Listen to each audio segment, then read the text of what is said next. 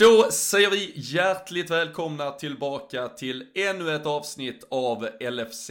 Podden. Det är söndag den 17 oktober när vi spelar in detta. Vi tar en eh, morgonmacka här och eh, med varmt kaffe bredvid oss så sätter vi tänderna i gårdagens underbara seger mot Watford, hela 5-0 på Vicarage Road och eh, vi får ju agera snabbfotat här med tanke på att det väntar match igen tisdag kväll mot Atletico Madrid på eh, Wanda Metropolitano arenan där vi lyfte Champions League-bucklan 2019 och eh, sen så har vi ju faktiskt stormöte med Manchester United nästa helg. Så vi kommer såklart komma tillbaka med ytterligare ett avsnitt den här veckan. Men idag kommer vi fokusera på allt det där goa från gårdagen och eh, snacka upp tisdagens Champions League-fight. Vi eh, gör i vanlig ordning det här eh, avsnittet, precis som alla andra, tillsammans med LFC.se.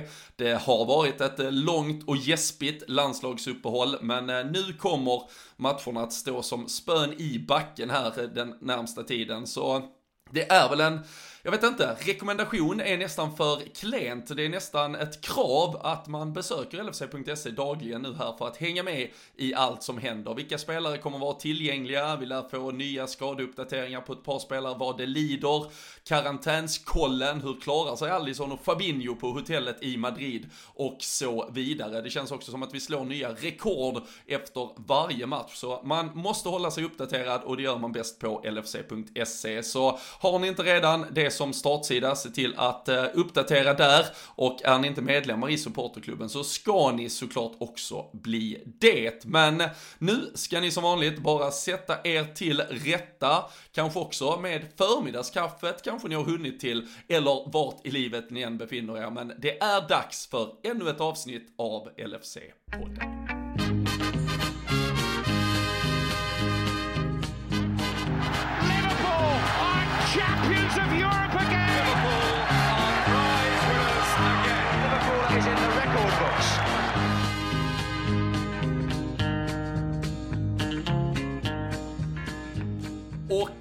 Denna gången så behöver jag inte introducera Daniel Forsell för omväxlings skull, utan eh, Fredrik Eidefors, du är tillbaka efter eh, ett par veckor där eh, jobb och livet i övrigt har behövt stjäla lite extra tid.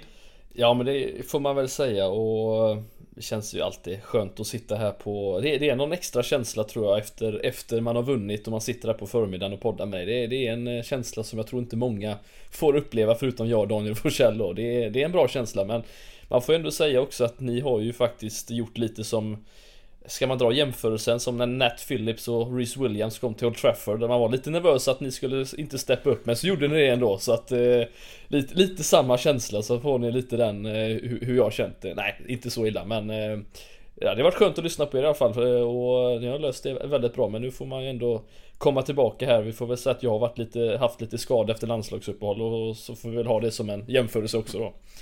Ja, och um, om vi då ändå har agerat en, en fungerande frontformation här så kanske det ändå är en återkomst likt uh, Roberto Firminus du nu står för och uh, tystar tvivlarna som trodde att den här podden skulle kunna leva utan dig. Ja, nej men det är, herregud, det är, det trodde jag väl kanske inte att man eh det är ofta Salah man kanske pratar eller Mané som hattrickskyttar men eh, Bobby levererar ju när han kommer in den här säsongen. Det har vi faktiskt sett. Jag tror, var det ett mål var 47 minut har han väl snittat det, den här säsongen. Det är rätt bra och det, var, nej, och, det, och det var ju faktiskt efter att han gjorde sitt första mål ja, äh, i början av andra halvlek. Med tanke på att han fyllde på. Så jag vet att när, när han gjorde sitt andra mål då var det ju nere på att då snittade han alltså minst två mål per 90 minuter. Och, och med det tredje där så har han ju alltså förbättrat det ytterligare. Det var ju faktiskt eh, första matchen igår han spelade överhuvudtaget mer än typ 43 minuter i en match den här säsongen. Mm. Så, eh, nej äh, det, äh, och, alltså det finns ju, alltså hur man än vänder och vrider och man kan tycka andra är bättre och allt, men det finns ju ingen spelare man blir mer sprudlande glad nej. av att se göra mål. Nej. För att, alltså det är ju lekfullheten, kommer ju direkt. Alltså det, det, det ska firas på, jag vet inte hur många olika märkliga och underbara sätt och ja, det, det, går ju rakt igenom rutan och så med tanke på att vi har den jävla Season Jordan-låten som, som är kanske bland det bästa vi har i vår repertoar också. Det är den så, faktiskt. Alltså, jag skulle faktiskt liksom, vilja säga det.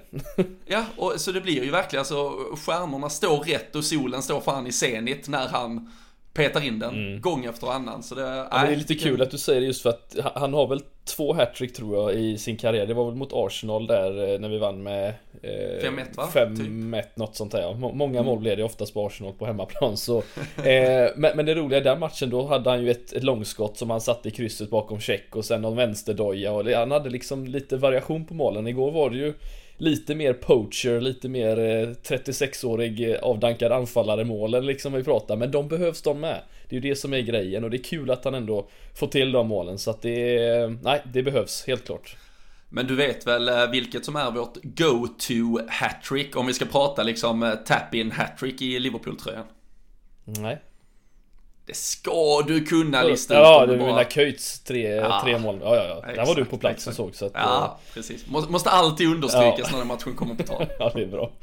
Ja, nej, det är fantastiskt. Det är, på, på tal om det, jag måste bara säga, jag såg här något, eh, vi ska inte, vi ska inte bli liksom negativa idag och ta, vi är ju bara glada, men det är ju faktiskt idag för, vad är det, 11 år sedan som Darren Bent gjorde sitt beachbollmål Såg jag här nu på Twitter innan vi startade igång avsnittet också Det känns som att eh, vi har inte sett så många sådana mål förutom eh, Det är alltid Liverpool inblandat när det är sånt som händer känns det som va?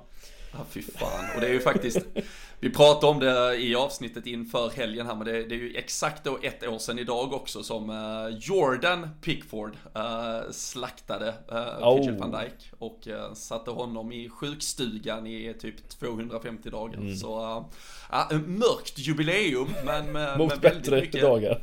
Ljusglimtar att ändå ta med oss och på tal om van Dijk så, så var det ju också, en, var vi äntligen tillbaka eh, då ett år efter detta i eh, situationen där man kan börja göra små, små GIF-bilder på honom där han eh, förnedrar anfallsspelare med en liten bakhuvudesnick över spelaren för att sen ta ner den och spela vidare. Ja. Det, det, det, är väl de, alltså jag vet inte, det finns nog ingen, man kan debattera och diskutera huruvida om han är bäst i världen och var han ska placeras i Premier League historisk kontext och så vidare. Men det, det finns ju få spelare som gör den typen av aktioner med samma briljans eh, åtminstone.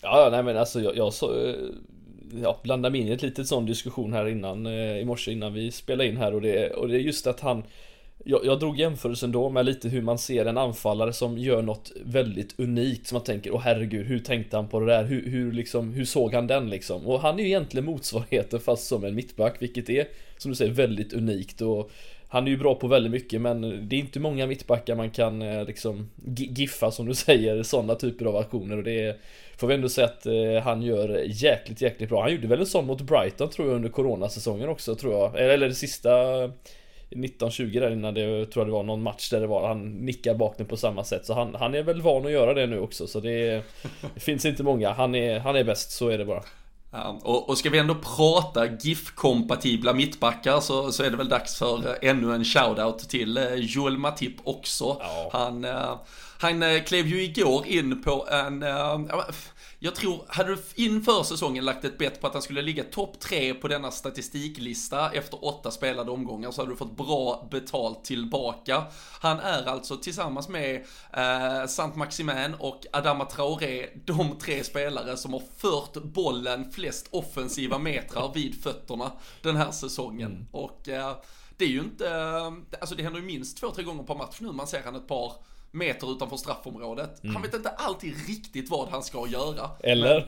Han är där i alla fall. Ja, nej, det, jag, jag såg den statistiken och tänkte jag skulle quizza dig på den och se om du kunde den. Men det, där var du först på bollen. Du hör, man är påläst. Ja, det är man bra. är påläst. Eh, nej, men det, det, är rätt sjuk statistik och framförallt då när man tänker på vilka spelare vi ändå pratar om i det här fallet. Alltså det är ju spelare som jättegärna inte släpper ifrån sig bollen eh, och som framförallt då har ju en speed i fötterna som inte många kan matcha liksom. Så att, eh, ja, det är, det är ganska sjuk statistik. Men eh, det känns som att vi har blivit lite mer eh, den typen av anfallsfotboll, ja, eller uppbyggnadsfotboll kanske vi ska säga i anfallen. Just att Matip är den som driver fram och det har ju varit väldigt märkbart, inte bara med statistiken du nämner, men man har känt av det också. Eh, målet mot var det mot, Les, eh, mot Leeds när han sticker upp mm. sådär också? Det, det är ju som typexempel på, där är han ju jag menar, han är ju i offensivt straffområde, alltså han är ju nästan framme vid straffpunkten och liksom passar ut den bollen. Det är Ja, nej han är, han är unik. Eh, om, vi, om van Dijk är unik så är han eh, nästan nog mer unik på något sätt va?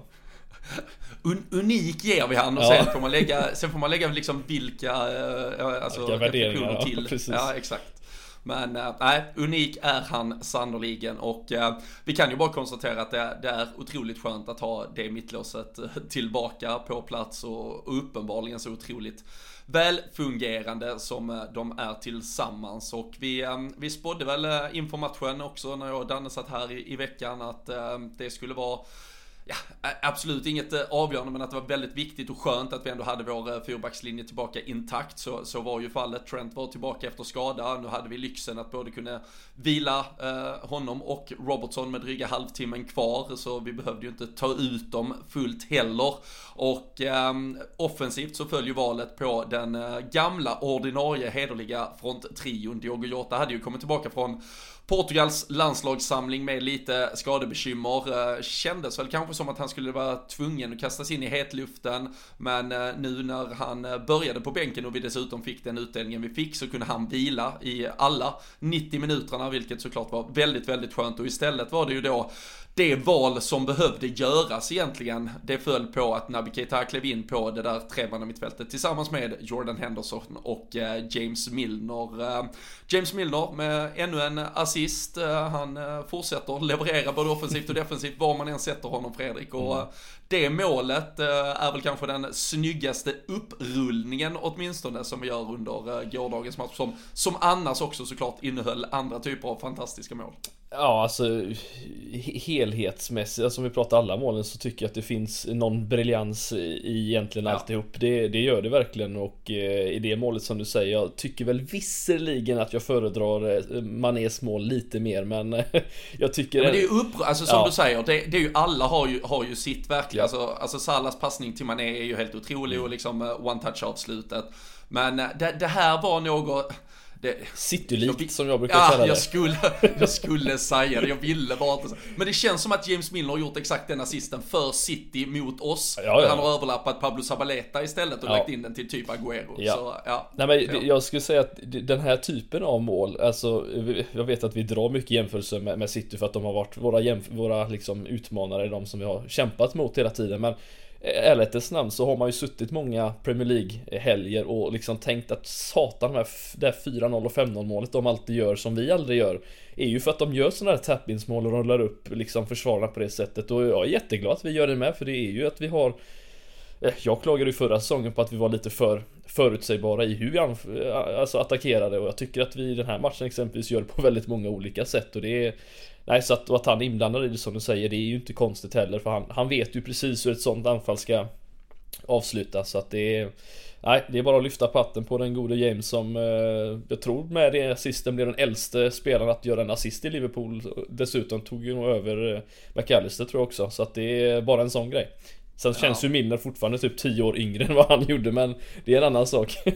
ja, ja men verkligen. Men, äh, nej men det, alltså nu, alltså Watford, vi, vi behöver inte fastna, de, men de var ju katastrofalt mm. dåliga hela matchen och, och, allt de gjorde var ju verkligen Ja, det var alltså både på ett kollektivt plan, äh, Ranieri, jag vet inte vad han hade försökt åstadkomma på de träningspass han hade fått, men fick ju inte ihop någon helhet av det och de individuella prestationerna behöver vi inte gå in på allt för mycket heller. Och det målet, även om det då blir en upprullning, så är det ju också att vi vinner boll um, ja, i, i, höjd med mittplan i stort sett och ställer om ganska snabbt och får.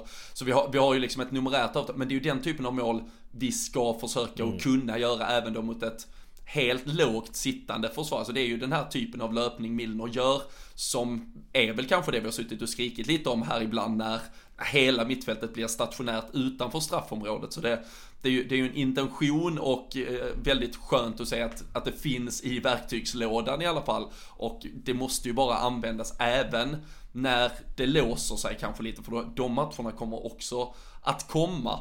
Men, men där kan man väl, det är väl egentligen det enda man kan argumentera för ifall vi spelar till exempel Fabinho, Thiago, Henderson till, så, så vill ju alla gärna stå och hålla bollen utanför straffområdet. James Milner är ju ganska obrydd så att säga med, med vilken, vilken typ av fotboll han ska spela. Så säger någon att han ska sticka, ja då sticker han väl liksom. Mm. Så sticker han tillbaka sen också. Det är inte så att han måste spela fotboll på ett visst sätt. Och det, det ger ju faktiskt en dimension, även om han kanske på, på andra parametrar inte är bättre fotbollsspelare än några av de andra alternativen som finns. Men äh, skönt att se att någon liksom bryter det där stationära mittfältsmönstret som vi Absolut. ibland har haft. Ja, nej men och jag, jag, tänker liksom att vi har ju sett några gånger kanske Keita vara den typen av, av spelare som, eh, ja, försökt i alla fall men kanske inte lyckats hela vägen och det är, men ja, Curtis Jones är en sån spelare man kanske hoppas också ska kunna göra det och har väl gjort det någorlunda när han fått spela också men Milner han, han som du säger, han, han gör ju allt. Det, det, är ju verkligen det som är grejen. Och han är en unik fotbollsspelare också på det sättet. Och eh,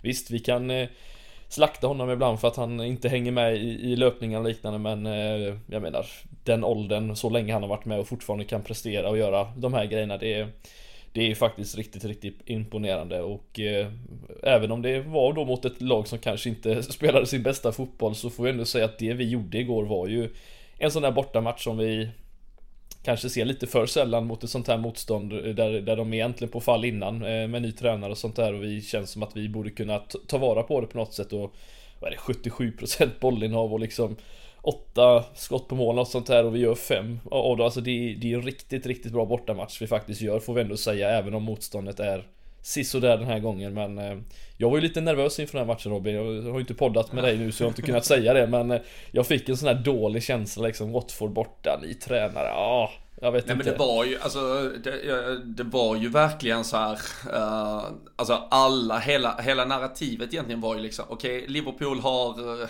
ja men då lite bekymmer med hela situationen med Allison och Fabinho. Man märkte ju att vi hade en märkbart upprörd Klopp som mötte pressen i, i fredags liksom, dels kring kring allt som hade då med det här att göra med liksom nationsförbunden, Fifa, Premier League. Premier League och Watford då i någon kombination som inte ger liksom någon, någon, någon, rätt att flytta den här matchen bara ett par timmar för att kanske försöka underlätta situationen. Medan La Liga då ger, det kommer vi ju in på sen, ger Atletico och Real spelledigt helt och hållet på grund av att de är i samma situation som Liverpool är i, i sitt ligaspel i stort sett med då ett par spelare som annars är otillgängliga. Och så har vi då Curtis Jones som uppenbarligen kommer tillbaka skadad från en U21-landslagssamling för att han var tvungen att spela någon pissig jävla bortamatch mot Andorra på konstgräs och man känner liksom att Klopp han är så jävla förbannad mm. på allting just nu. Och som du säger då ett Watford som, det var ju de som spökade 1920 som gör den där jävla sjuka insatsen, vinner med 3-0 och liksom förstör våran Invincible säsong och eh, vi har liksom då också på det som du säger tidig avsparkstid, Ranieri är inne och sådär. Sen Sen läser man den, det är lite som den här myten om du vet hur svårt det är att komma till Turf Moor mm. ungefär och så, och så visar det sig att man ändå alltid vinner där. och då läste jag ju innan att vi är faktiskt bäst, sen Klopp kom in så är vi faktiskt bäst i ligan efter landslagsuppehåll. Vi vinner, nu är det väl då ytterligare någon procent till, men vi vinner annars 80% av matcherna efter landslagsuppehåll. Vi har fortfarande aldrig förlorat en match med Klopp efter ett landslagsuppehåll. Men som du säger, alltså känslan var ju mm. att allting stod liksom uppradat för att äh, nu, nu kommer smällen liksom. Det, nu skiter sig allting. Men äh, man kände väl från, vad tog det, ungefär 43 eh, sekunder yep. och känna att det här ska vi nog kunna lösa ändå. Ja, och det är såklart att man kanske har lite i, i baktanken att eh, lite som en sån att ja men vi gör mycket mål och visst vi såg matchen mot Brentford det som kunde se lite svajigt ut men det här var ju verkligen One Way Street, det var ju liksom inte, ja som du sa, ganska tidigt in på matchen. Nu kom 1-0 målet ganska tidigt också så det satte ju verkligen stämpeln på matchen yt ytterligare men eh, nej, den var den var ganska, ganska självklar kan man väl säga men eh, fortfarande så ska vi tillägga att det är Det är bra av oss att vi ändå tar vara på chansen och, eh, och, och gör de här målen för att det, det tror jag framförallt nu då från trion Salah fortsätter ju leverera nu, hur många matcher i rad är det han har gjort mål nu? Är det en åtta, åtta eller något sånt där? Och det blir man inte direkt chockad. Sen när det är drömmål efter drömmål så Det är kanske det som överraskar lite att det inte bara är enkla mål han gör nu utan det är liksom Det är ganska avancerade sådana också. Så att eh, Nej, att kul att fr hela fronttrion fick eh, vara den, ja OG från trion får vara den som mm. eh, levererar den här gången faktiskt. Jag tror det var typ, kan det vara typ trettonde matchen som alla tre gör mm. Eh, varsitt mål.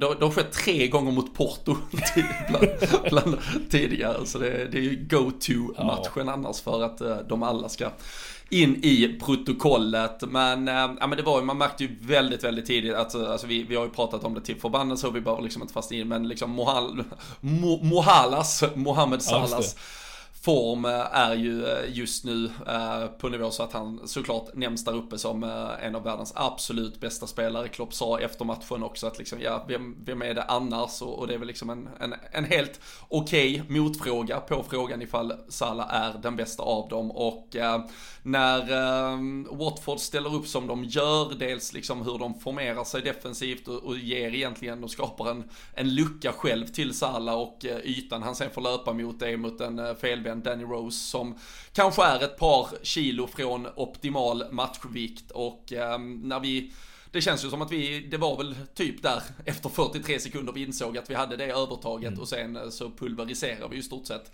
den kanten. Och eh, det är ju det som också ger resultat sen en bit in i första halvlek när Salah kan vända upp och väldigt, väldigt delikat. Och eh, vi ska inte ta något ifrån Sadio Manés direktavslut men det är klart att det är passningen, mm. den ytan, utförandet som är eh, den stora behållningen i 1-0 målet ändå. Ja men hela grejen med att han eh, använder kroppen för att liksom vända undan utan att egentligen nudda bollen, som bara vända undan Danny Rose och sen på ett eller ja, jag tror det är ett touch i alla fall, ja, eller, och, och dra den yttersidan och det är inte så att han, Mané behöver ändra riktning på något sätt utan det gäller bara för honom att springa rakt fram och sen lägga till eh, avslutet eh, Eller bara säga det var ju ett svårt avslut fortfarande men eh, Han behöver inte göra mer än så och det är Alltså hela den aktionen av Salah som jag tycker då ändå är hela matchens stora behållning egentligen Den tycker jag håller högst av allting.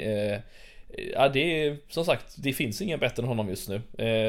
Han har varit där uppe jättelänge men jag tycker den här säsongen har han verkligen jag ska inte säga mognat, men han har blivit en ännu bättre fotbollsspelare. Han har tagit ännu bättre beslut. Han har...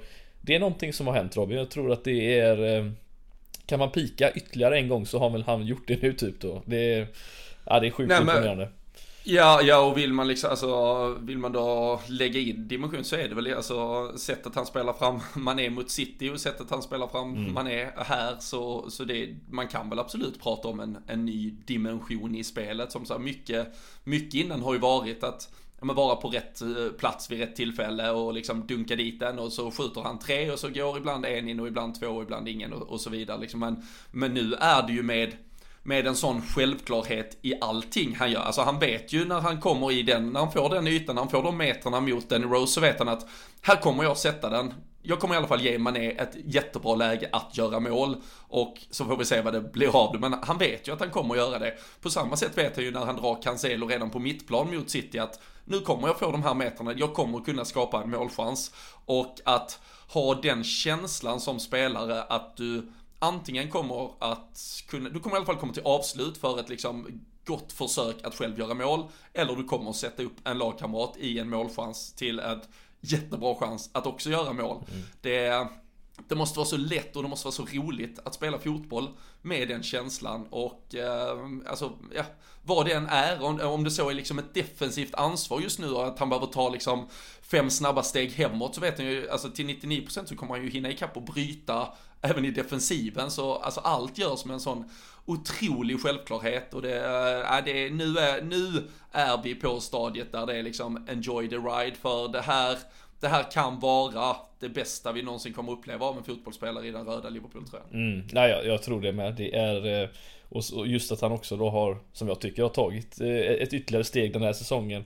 Det, det, är just, alltså, det man kan prata om Sal också, det är att vi har sagt att han har kanske varit, ja men lite sådär 50-50 med vissa passar. Man tycker att den ser enkel ut och så kanske den blir för hård eller för lös. Men nu känns det verkligen som att han har liksom rätt, eh, rätt vikt på, på den här passningen som den yttersidan han drar mot Mané. Den, den, Eh, vem som helst hade säkert kunnat dra en yttersida på chansning och tänka ja men vi siktar där så ser vi vart den kommer. Men Salah känns faktiskt som att han har hela, också, hela meningen med passningen och vikten på den att den hamnar rätt också. Det, det är ett annan, det är en annan Salah som helt enkelt är bättre än vad han varit tidigare. Jag är fast bestämd på att han har tagit ett ytterligare steg och eh, Ja det är skitkul att se honom spela fotboll, det är väl det, är väl det vi kan säga. Ja, nej, verkligen. Och eh... Nej, det var ju liksom, där, där sattes ju lite tonen såklart. Alltså, det, blev ju, det blev ju ingen total körning så sett i, i första halv, men det var ju liksom ett Liverpool som hela tiden hade otrolig kontroll. Uh, Watford uh, kommer ju igenom en gång med Cucho Hernandez, visar väl sig vara typ en och en halv meter offside när väl uh, situationen var avvinkad och avvärjad och klar. Och även om det då var en offside situation så fick ju faktiskt Trent Alexander-Arnold visa att han kunde försvara också mm, Fredrik. Hinna ja. ikapp då en offside-stående spelare med så mycket marginal och ändå bryta så snyggt. Det måste ändå ha värmt Garrett Southgates hjärta eftersom det är det enda viktiga i fotbollssammanhang. Han kollar inte på den matchen Robin, det vet vi. Det, han kollar aldrig på en Liverpool-match. Det, det, det, annars hade Trent varit startspelare i England. Det, så enkelt är det bara. Eh, ja. Nej, här, som sagt kul att få tillbaka honom också och eh, tycker att eh, även om det inte blev mål i den situationen så var det väl första halvlek när han hade någon Gerard-eskig eh, genomskärare eh, som Salah nästan kom i ett friläge, fick väl bollen lite för långt ifrån sig och det, jag saknat det lite också såklart men eh, också vilken spelare. Eh, och han har ju också tagit steg både offensivt och defensivt och det är eh, i den unga åldern så är det ju, ja, det är ju fortfarande extremt imponerande och det är bara frågan hur jäkla bra han kan bli, kan, hur mycket bättre han kan bli. Det är ju liksom Ja. Nej, jag vet. Och alltså det, det blir så ja, man, man orkar ju inte ta diskussion. Såg Gary Lineker skrev väl på, på Twitter igår också liksom att alltså det, det, det är så sinnessjukt att det, det är en, en, diskussion kring den här fotbollsspelaren mm. och ett land. Alltså, det, det, här är spelare du bygger landslag kring. Alltså det, det är inget, det, det, här är inte spelare du, du anpassar Alltså hans roll efter att, eller liksom att nej, men han verkar brista i just den delen av sitt spel och därför går det inte ihop. Men då får, då får du ju lösa det på ett mm. annat sätt. Alltså det, det här är en eh, direkt utslagsgivande och avgörande spelare som har han har liksom på en bra dag har han två, tre assist i sig. Uh, en, en dålig dag så har han alltid liksom en assist i sig. Och uh, att, ha, att ha en spelare i din backlinje som alltid är ett potentiellt liksom uh, hot för att skapa ett mål. Det, uh, det är väldigt märkligt att det inte premieras mer. Men det, det, är väl än så länge till, till våran vinst. Det var ju absolut Delvis. inte helt fel att han hade varit, nu var det ju såklart lite skadebekymmer som, som satte stopp således, men eh, om han stannar hemma från, från landslagssamlingar eller vilas där så att han kan utnyttjas till sin fulla potential hos oss så, eh, så kan ju jag som supporter inte äh, klaga i alla fall, men äh, jag kan ju tycka det är väldigt, väldigt märkligt. Däremot lite, lite ballongkänsla på hans äh, hörnor igår, ja, lite, de, de, lite Milner-känsla där med ja, vänsterfoten i stort sett. Han, han, blir ju äldre, det kanske har med åldern att göra. Ju äldre man blir desto flappigare blir inläggen, men nej det kanske är någon, någon taktik på det med. Jag har aldrig riktigt Kände, förstått kändes det. Nästan, kändes nästan lite oberedd. Det var liksom som att vi kände så här, okej, okay, vi kommer göra så många mål, så det känns fusk om vi, behöver, om vi börjar liksom ta i på hörnorna. Vi behöver inte sträck, dra baksidan på en, en onödig hörna, känner han säkert. Nej. Det, nej, det, vi har ju alltid varit eh, de senaste åren varit i toppen, om inte bland de, den bästa laget på just eh, fasta situationer. Men igår var det som du sa, det, det såg inte jätteintressant ut att, att göra mål på hörna faktiskt. Men eh, det är ja, helt okej okay alltså, för min del. Ja, men, men där kan jag egentligen känna, mot ett sånt här lag som man är så överlägset, där, där kan jag faktiskt bara, alltså bara rulla igång bollen istället, där är det bättre att nästan mm. ta en kort hörna, alltså så här. En Aspas hörna. Ja men alltså, fan. Ska man, behöva, ska man behöva tänka på det idag också? Tack så mycket Fredrik. Tack varsågod, mycket. varsågod. Folk som hade en bra start på dagen, så 27 minuter in så får man detta. Men men, så, så kan det vara. Ner på jorden men, behöver vi komma nu efter 5-0 mot Watford. vi, vi, måste ner lite, ni, ni vet, det, det, kommer inte vara för evigt helt Nej. enkelt. Men äh, vi, vi måste väl såklart eh, stanna vid, vi, vi har väl ett Mohamed Salah-mål vi lär återkomma till, men eh, däremellan så var det ju en eh, Roberto Firmino som ändå stal showen och som vi började avsnittet med så, så är det ju framförallt show efter att han har gjort mål varje gång och målgestutbudet det har han liksom inte dragit ner på utan det har han suttit och bearbetat från bänken när han har väntat på att få explodera. Så det var, äh, det var, det var fest varje gång egentligen även om det som sagt var barnsligt enkelt hur han fick eh, lägga in eh, boll efter boll där. Ja, men eh, han är där. Det är ju det som är grejen. Eh, och eh, alltså det är, jag vet inte om man ska, vad vi tror om hans framtid här om han ja, hur han kommer anpassa sitt spel. Vi ser ju att vi inte spelar på samma sätt som, som vi gör tidigare. Där han verkligen droppar eh, lågt hela tiden och är med hela tiden. Utan nu är han ju faktiskt framme i straffområdet och, och tappar in den. Och det är eh, för mig absolut ingen, eh, inget problem alls. Det är snarare tvärtom. Jag tycker vi får en extra man in i, i, i, i straffområdet. Det, det hjälper ju bara att avsluta avsluten så att säga. Så att det Nej, det är en spelare som du säger, man blir bara glad när man ser honom. Eh, och eh, nu trodde väl jag såklart att eh, nu, Jota kanske den här säsongen skulle bli med tanke på hans förra säsong och sådär tidigare att han kanske skulle starta lite mer men eh, Vi får väl se om Firmino kanske behåller sin plats lite mer den här säsongen efter det här trycket för det är eh, vi kommer behöva lite, lite mål kanske om man ska vinna lite fler matcher nu när Chelsea inte släpper in några mål och vi behöver göra massa mål så det är väl något i den stilen. Alltså, äh, sidospår men alltså att de, att de kom undan med segern ja. igår mot Brentford det är, det är helt otroligt alltså. Det, ja.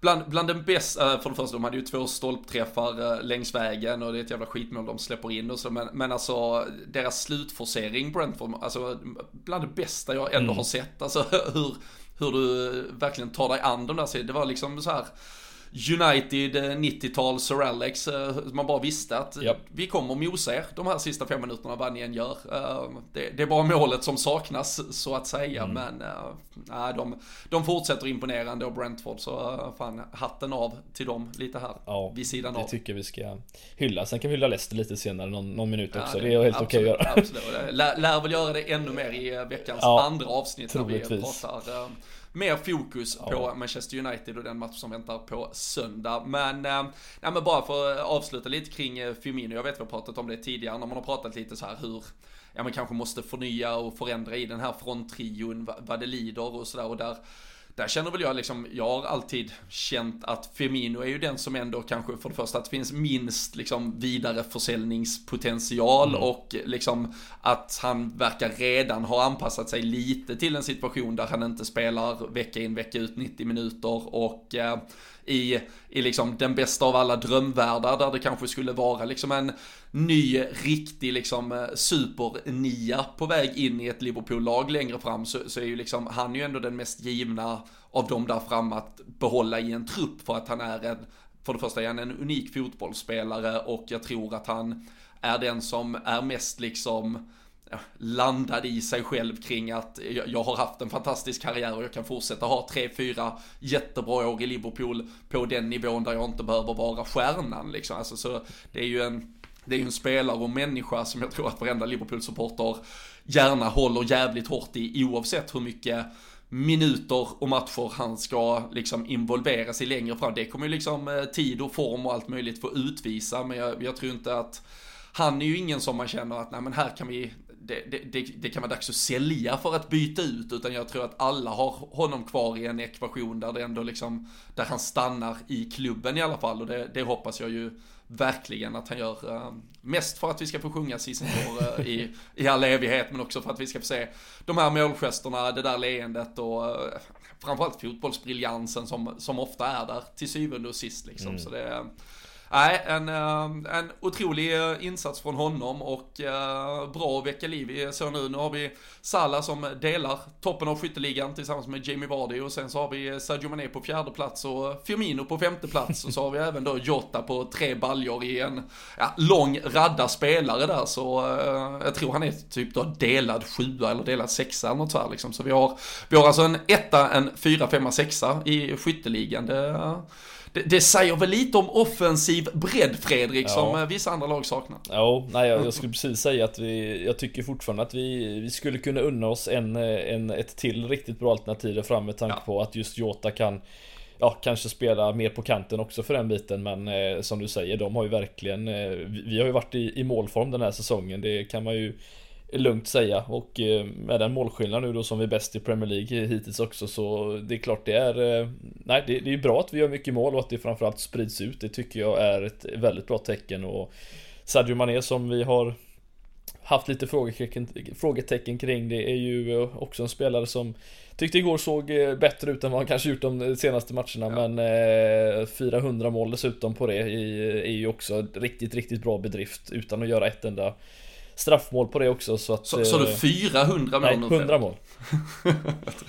Lät som du sa Ja, ja, nej, 100 mål. Ja, ja. Han borde ja. kanske gjort 400 mål Han borde ha gjort 400 Men uh, han, han har gjort 100, vi får nöja oss med 100 uh, Hade han bara satt sina chanser mot Leeds hade han gjort 400 mål Ja, då hade han varit på 110 i alla fall ja. uh, Nej, ja det är också lyfta patten på fler spelare den här gången, den här avsnittet och det är ju man är också just med den, vad han har bidragit med, också som winger får vi ändå säga. Det är ju sjukt imponerande att ha gjort så många mål. Verkligen.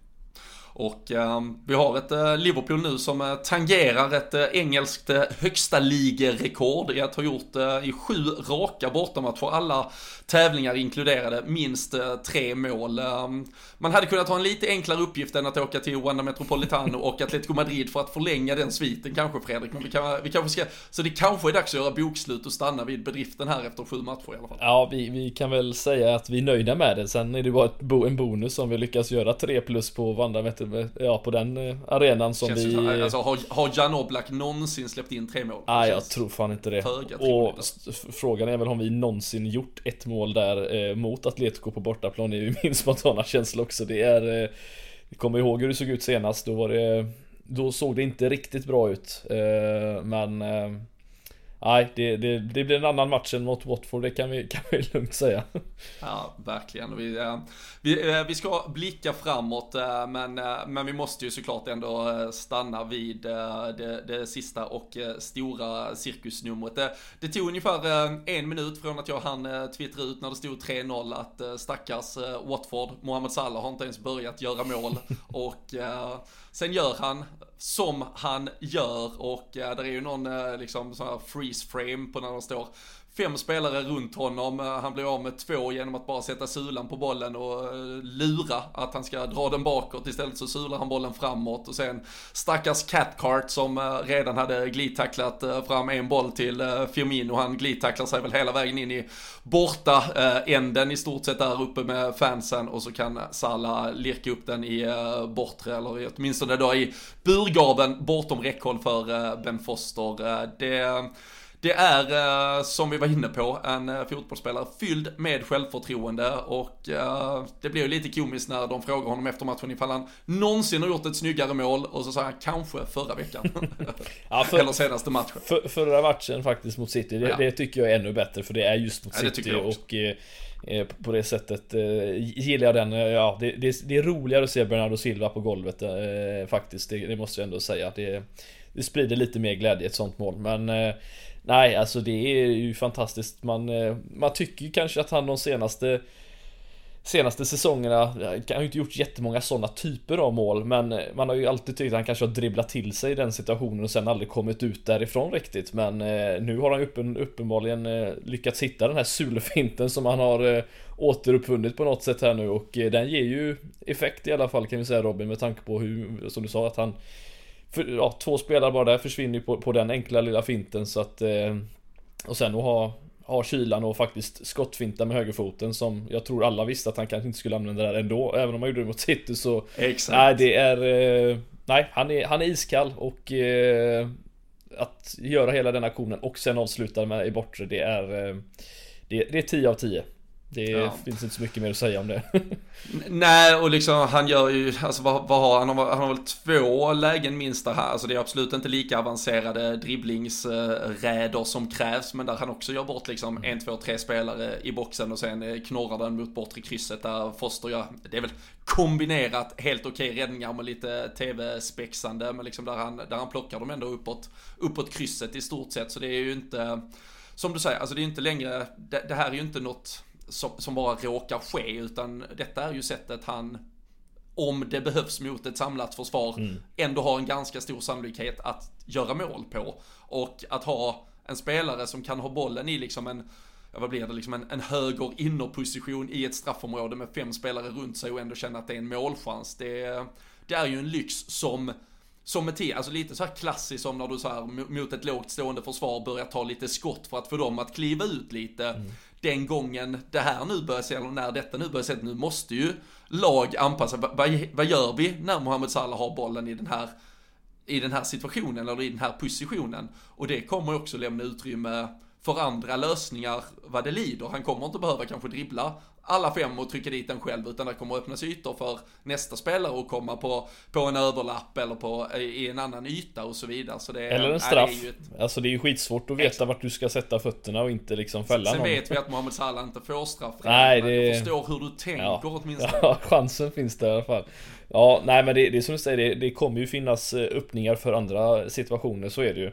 Eh, och eh, har man exempelvis ändå en Trent på högersidan där dessutom som man kan putta ut bollen till kanske med någon tå och sen kommer ett eh, Sen står en Firmino på andra sidan och bara slår in den så skadar det ju liksom inte heller. Eller Nico Williams för den delen, det kanske vi ska komma till med. Det var ju eh, assistkungen. Eh, har, ja, och det var väl, ja. och det var väl uh, dolkstöten och uh, liksom det sista knivhugget i uh, den redan döde och begravde Danny Rose där ute på ja, vänsterkanten. Kommer du ihåg det avsnittet vi hade för några år sedan när vi, när vi pratade om hur Ben Davis hade det mot Sadio Mané? Eh, det var... när, när, Vias Boas kom med den briljanta idén att ställa backlinjen på mittplan ungefär på Anfield.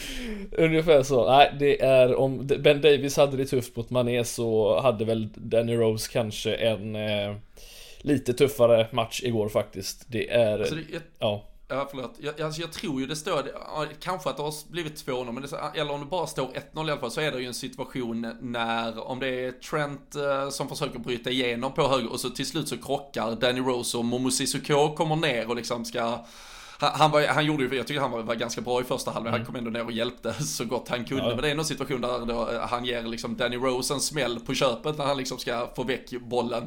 Danny Rose lägger sig ner lite och man bara känner så här, alltså är du smart nu, då är, alltså det är dunderläge att fejka skadan här. Alltså alla, alla har liksom full förståelse, känner nästan respekt om du gör det. Och så kliver han ändå upp och liksom bara visar, äh, jag är redo, alltså fy fan finns inte. Jag hade, jag hade fejkat skada direkt ja. i den situationen. Alltså. Nej, det är... Eh, vi kommer ihåg hur Dejan Lovren blev utbytt mot Tottenham också som sagt på grund av en, en första halvlek. Men eh, som du säger, jag hade inte... Eh, jag hade inte dömt honom på något sätt om han hade lagt sig kvar där och fejkat skada som du säger. Jag hade, jag hade nog ställt mig upp och applåderat tänkt att där har vi en kille med lite vett i skallen faktiskt. För så, så illa som det såg ut igår för honom, det var... Det var inte lätt och det var väl bara typ två, tre, två säsonger sedan som han satt och önskade sig bort från Tottenham till något ännu större lag men det var bara Newcastle som var intresserat och nu spelar man för Watford. Det, är, det, det vänder snabbt i fotboll. Det är en sak som är säkert. Säger väl lite eventuellt om Ole Gunnar Solskjaer ifall United var intresserade av honom som vänsterbacken då kanske. Men ja, ja, ja, så, så kan det vara. Men äh, nej, Nick Williams eh, var eh, sista bytet eh, in där. Uh, Simikas och Oxlade hade ju kommit in först mot våra ytterbackar, James Milner, som den allround-spelaren är, agerar ju lite högerback och sen så kom Nick Williams in och det blev ju säsongspremiär för honom efter lite skadebekymmer under säsongen så här långt och ja, han fick flyga fram där i ytan och serverade där hattricket till slut. Men man, kan ju, man kan ju säga vad man vill och göra vilken bedömning som helst om Nick Williams Williams som fotbollsspelare och eventuella framtid, men det är ju alltid bra när du kan liksom lufta spelare och du dessutom kan boosta deras självförtroende ja, ja. lite med en sån insats. Absolut, nej men det är, det är lite det som jag tycker är Därför är det alltid skönt att kunna ha sådana här matcher ibland när man flyger fram och verkligen inte behöver oroa sig för att det kanske är lite, lite sådär 2-0 när det, när det är 20 minuter kvar att man vet, vet inte riktigt om motståndarna kanske får in ett, ett mål på hemmaplan och det börjar svikta lite utan det här var ju verkligen färdigt och då är det på något sätt skönt att kunna få in sådana spelare som, som du säger som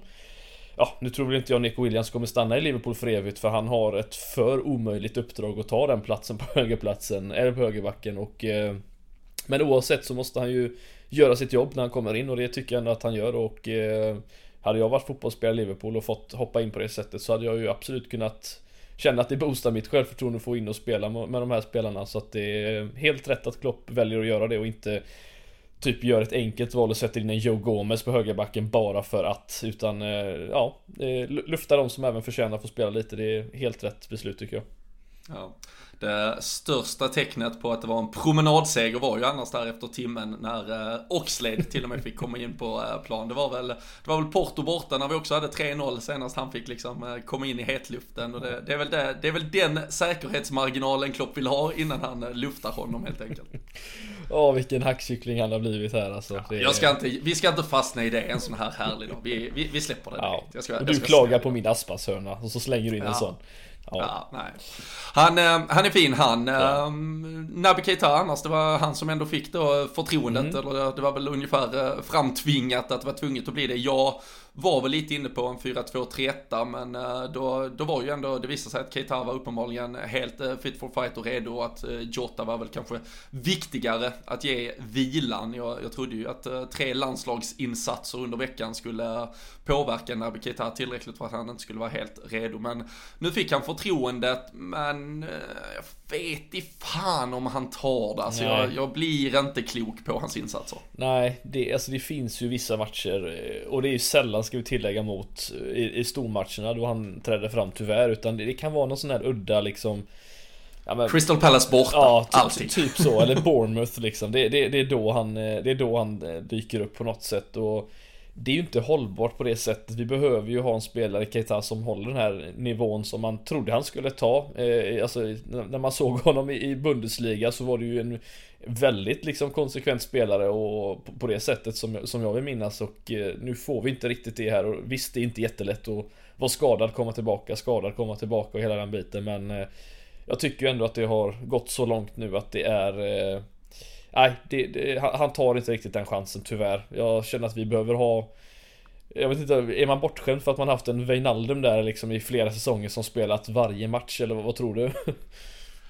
Ja, det är väl kanske dags att ringa agenten i januari och säga om eh, vi ska eh, bara glömma allt som har varit och, och, lösa det där kontraktet ändå med tanke på att det inte blev så jävla bra för någon kanske här att han klev till PSG. Nej, det verkar inte så. Jag, jag, jag vet inte, kände du att jag kände inte att den det var kompatibelt från början men... Eh...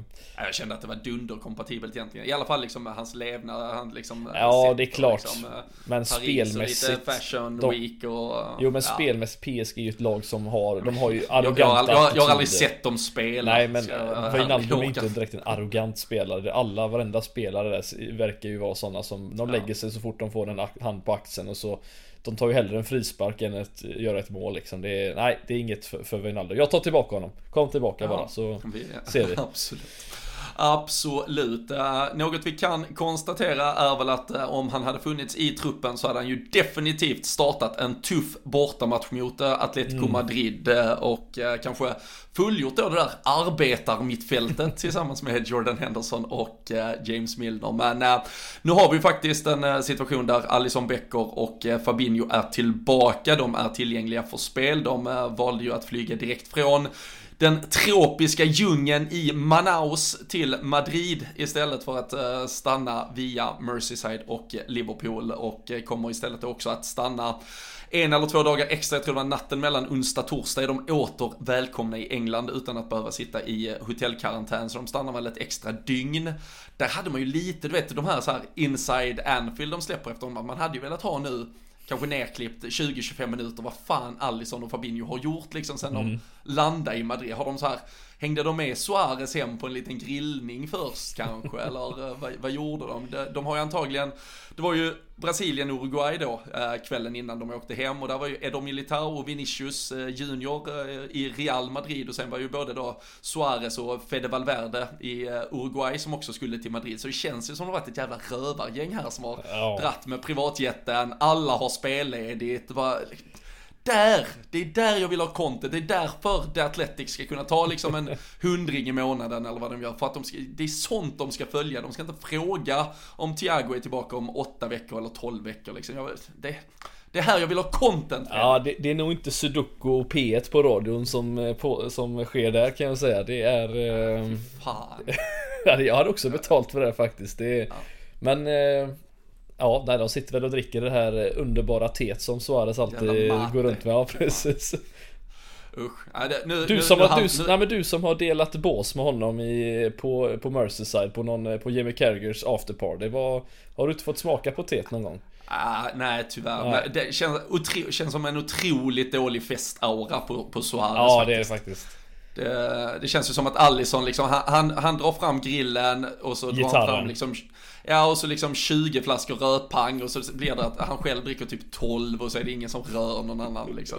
De bara sitter där och, och tråkar sig. Ja. Så nej, det, det kanske inte har varit så jävla livat, men eh, det är bra och eh, väldigt skönt att vi har dem tillgängliga för matchen åtminstone. Och eh, vi kan väl utgå från att båda går in i startelvan och då är väl egentligen de alternativ eller diskussionsämnen som kvarstår hur och vem som ger plats på mittfältet och om eventuellt Diogo Jota ska in redan här nu eller om man spar honom ytterligare till Manchester United till helgen. Ja, svar, svar. Det gör man. ja det gör man. Nej men jag, jag tycker man. att, och... eh, som sagt, in med Fabinho det blir väl Keita som, som, som får gå ut då eh, Möjligtvis eh, Och eh, Ja Alisson går väl in nu och Gör ju aldrig Keller bort sig Han spelar visserligen men Alisson är ju den givna spelaren såklart eh, Som ska in och, och vakta buren där men Annars tycker jag att det är helt rätt att spela Firmino igen och faktiskt eh, Vänta med Jota till, till helgen Det är hade jag inte haft något problem att se. Sen är det klart med Jota får man ju lite mer speed men det behövs ju faktiskt inte mot... Du kommer inte kontra mot Atletico ändå så det spelar liksom ingen roll utan där anser jag nog att det är bättre att ha en Firmino som kan lirka in en eller två passningar eller bollar in i mål på det sättet och den form, målformen han eh, var nu senast då så anser jag att det är lika bra att fortsätta med honom faktiskt. Han har ändå inte tagit ut sig den här säsongen hittills så att eh, jag ser jättegärna Firmino starta fortfarande och slänga in Jota om det behövs. Nej, jag, jag håller helt med. Jag, jag tycker eh, från trion behåller vi intakt. Eh, Fabinho går in och ersätter eh, Keita så att Henderson kliver fram lite på, på mittfältet där och sen då Allison in. Så får vi väl se. Han har ju Klopp har ju tenderat till att göra lite mm, mittbacksbyten eventuellt i, i de här matcherna också. Så det, det skulle ju kunna vara att Matip eller van Dijk skulle ju rent av kunna vara båda men att vi gör något byte där för att eh, ha båda fräscha. Framförallt van Dijk som då först har varit iväg med, med landslagsspel och eh, man vet väl inte exakt hur de fortfarande ser på liksom hans menar, återkomst till full form om det fortfarande är en del i det programmet där, där det inte ska överbelastas helt och hållet. Så det, det, det är väl den eventuella brasklapp eller liksom lilla, lilla asterixen som skulle vara till en eventuell startelva. Annars känns det ju som att den är den är ganska given och ger sig själv. Och sen eh, så går väl då både Thiago och Curtis Jones eventuellt en kamp mot klockan. Där är man ju inte fullt uppdaterad. Men eh, hur det då skulle kunna vara för dem med speltid mot United på söndag sen istället. Ja, nej men lite så. Vi eh, var väl bekräft, ja, någorlunda bekräftat just Thiago exempelvis skulle missa den här matchen eh, mot Watford och mot Atletico. Men eh, också ett mysterium när han med, med honom lite vad, vad man vet vad han är och hur vilket, vilken sits och vilket skick han är i men eh, Curtis Jones verkar väl egentligen bara vara den här matchen som de höll lite osäkert mot Atletico också kanske då så att vi, vi får väl hoppas att de är tillbaka mot eh, United United att vi har dem som alternativ för eh, eh, mot ett sånt lag som United så ska man ju kunna gå framåt just nu och eh, då kan det vara skönt att ha lite, lite kreativitet ytterligare på mittfältet. Ja men verkligen, och jag hörde, jag bara läste till mig här um, från um, en, det var någon journalist som hade talat med en källa uh, inom um, Evertons organisation där, där spelarna hade varit väldigt frustrerade efter matchen just mot United på Old Trafford där de liksom så här, fan att vi inte gick för det, alltså mm. var, varför åkte vi dit och var vi åkte dit och var liksom, visade massa respekt inledningsvis och så här och liksom, och då, då, var det alltså ett Everton som åkte, Richarlison var borta, Calvert Lewin var borta, alltså det var ett ganska BB, BB men ändå liksom ett, ett Everton som delvis saknade sin absolut bästa spelare, åker till Old Trafford med alla pengar som har liksom pumpats in i den klubben inför den här säsongen, alla förutsättningar och förväntningar som finns där.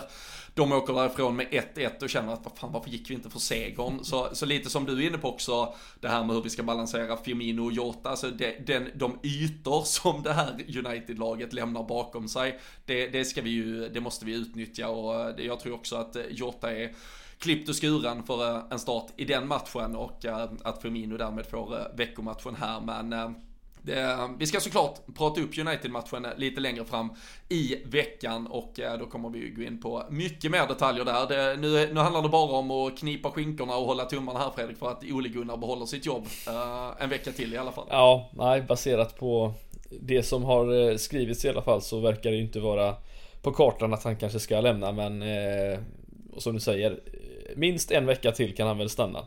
Ja, Annars är det ju alltid lite illa, alltså första tecknet på att du är jävligt nära att bli sparkad är ju när typ klubben ja. går ut och säger att han sitter säkert. Ja, det, det, kan vara så. Men det är klart, det är inte Watford vi pratar, det är ju ändå Manchester United. Det är, jag tror det var, vad var det Klopp sa, jag måste bara ta det på tal om tränare. Hur många, hur många Wat, olika Watford-tränare har han mött nu? Ja. Nej, han sa, han, sa, han sa inget nummer Nej, faktiskt, men, men han, sa, han sa ju bara liksom att jag, jag, jag vet inte hur många. Nej, och... Frågan är hur många det faktiskt är han har mött. Alltså det, det, har ju varit olika... Kiki Sanchez Flores har ju mött, sen har ju mött uh, Ranieri nu, Marcus... sen har du han... Uh... Och sen Nigel Pearson gick ja. in som interim där, Just eller var där en period. Uh, bör väl ha mött Marcus Silva inledningsvis va? Kanske direkt när han kom. Mycket stä- ja, det, det, är minst fyra, alltså det är minst en tränare per säsong känns det som. Ja. Eller ja, det, två det, för att vara. ja absolut, så har de varit ner och vänt i Championship och så. så ja, fyra eller fem kanske ja, på typ sjukt. sju matcher eller något sånt. Så det, ja. nej. Vi, eh, vi får väl se. Ole Gunnar får vara, får vara glad att uh, det inte är Pozzo-familjen som, som äger United. Ja. Och, och, det är vi också, ja. Eh, just nu i alla fall. Precis. Så, uh, håller vi tummarna för att han är kvar till helgen. Men eh, som sagt, det kommer mer uppsnack inför United-matchen senare i veckan. Det är Atletico Madrid som väntar på tisdag. Eh, vi eh, får väl eh, skicka en liten uppläxning här också till alla som är med i våra tipstävlingar. Att ni måste börja förstå vad det är för ett Liverpool-lag vi har att göra med nu. Det det är liksom en Mohamed Salah som har målgaranti och ett Liverpool som liksom bara öppnar kranen och låter det flöda. Det var ingen som hade 5-0-seger, kanske var det lite